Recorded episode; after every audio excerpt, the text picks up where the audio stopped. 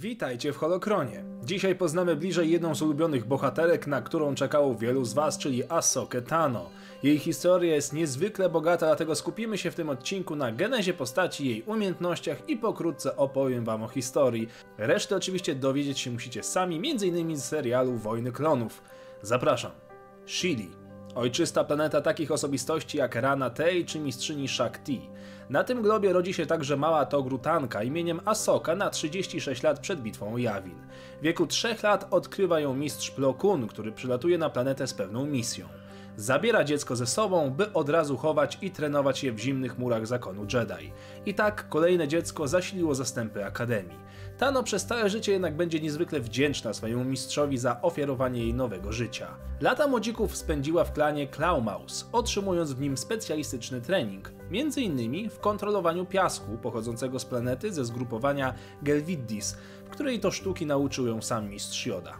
Asoka wykazywała wyjątkowy talent w wielu dziedzinach Jedi. Wyjątkowo wcześnie otrzymała status padawana z rąk mistrza Jody oraz została przydzielona do obiecującego rycerza Jedi Anakina Skywalkera, który miał wyuczyć w młodej adeptce poczucia odpowiedzialności. Nie żeby sam był w tej dziedzinie wyjątkowo charakterny. Ich więź miała nie tylko wyszkolić Tano na obiecującego rycerza, ale przy okazji ostudzić w Anakinie jego dziwne poczucie przywiązywania się, jakie wykazywał w stosunku do niektórych osób.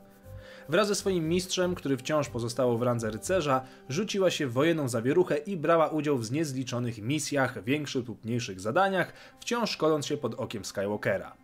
Podczas swoich wojaży miała przyjemność pojedynkować się z samym generałem Grievousem czy Asajj Ventress.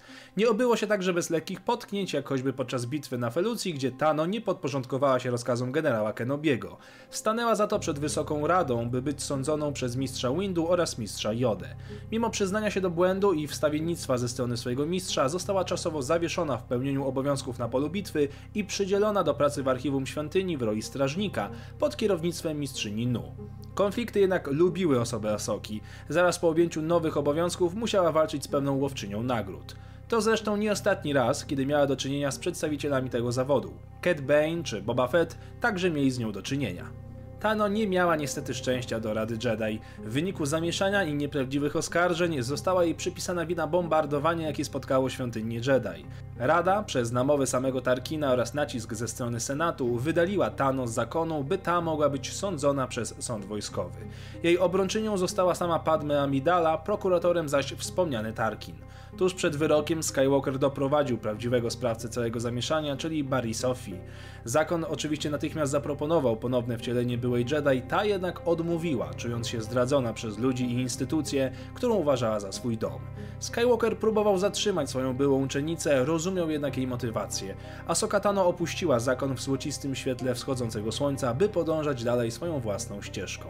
Jej odejście odbiło się mocno na wielu członkach zakonu, w tym na mistrzu Jodzie, który czuł się winny nie dania wiary jej słowom obrony. Co dalej stało się za Soką? Tego musicie szukać we wspomnianych animacjach Wojny Klonów oraz na kartach komiksów, a historii tam nie mało.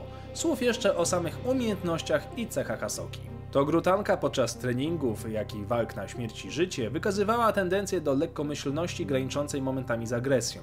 Wygrana była dla niej jedyną możliwą opcją. Nawet w rozmowach z przeciwnikami stawała się butna i dominująca. Lubowała się także w wymyślaniu obraźliwych pseudonimów dla swoich wrogów, jak i przyjaciół. Podczas uzyskiwania informacji potrafiła grozić i straszyć ofiary i choć nigdy nie posunęłaby się do ich spełnienia, jej zachowanie nie przeszło bez uwagi. Głównie mistrzyni Luminara Unduli wskazywała, że jej zachowanie nie jest godne ścieżki Jedi. Jej charakter był w dużej mierze odbiciem nauki postawy jej własnego mistrza. Skywalker, mimo wyjątkowej relacji ze swoją uczennicą, nie dostrzegał jak bardzo Asoka jest w niego zapatrzona. Jej przekonanie o własnej wyższości nieraz kosztowało życie wiele klonów. Asoka uważała jednak, że jej umiejętności i pozycja usprawiedliwiają jej decyzje, choć śmierć żołnierzy była dla niej bolesna. Mimo tych cech była jednocześnie niezwykle ofiarna i skłonna poświęcić swoje życie dla spełnienia obranego celu. Przyjmowała krytykę, przyznawała się do błędów i nigdy nie zrzucała winy na innych. Co do walki mieczem świetlnym natomiast, tutaj Osoka także wykazywała wielki talent. Używała dość niepopularnej formy piątej, wybierając technikę Shien.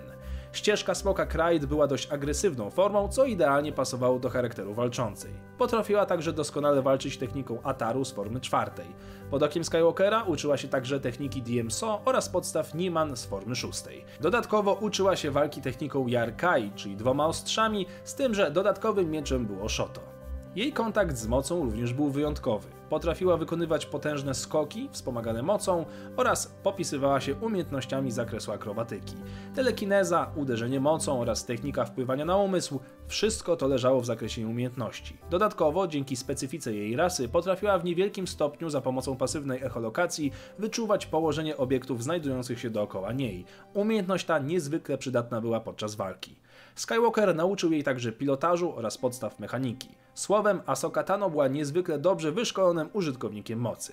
A, no i znała jeszcze Shirwuk, czyli dialekt łukich. Tyle w temacie Asoki Tano. Dzisiejszy odcinek jedynie liznął temat historii tej postaci, także koniecznie poczytajcie o niej więcej. Dzięki za oglądanie i niech moc będzie z wami.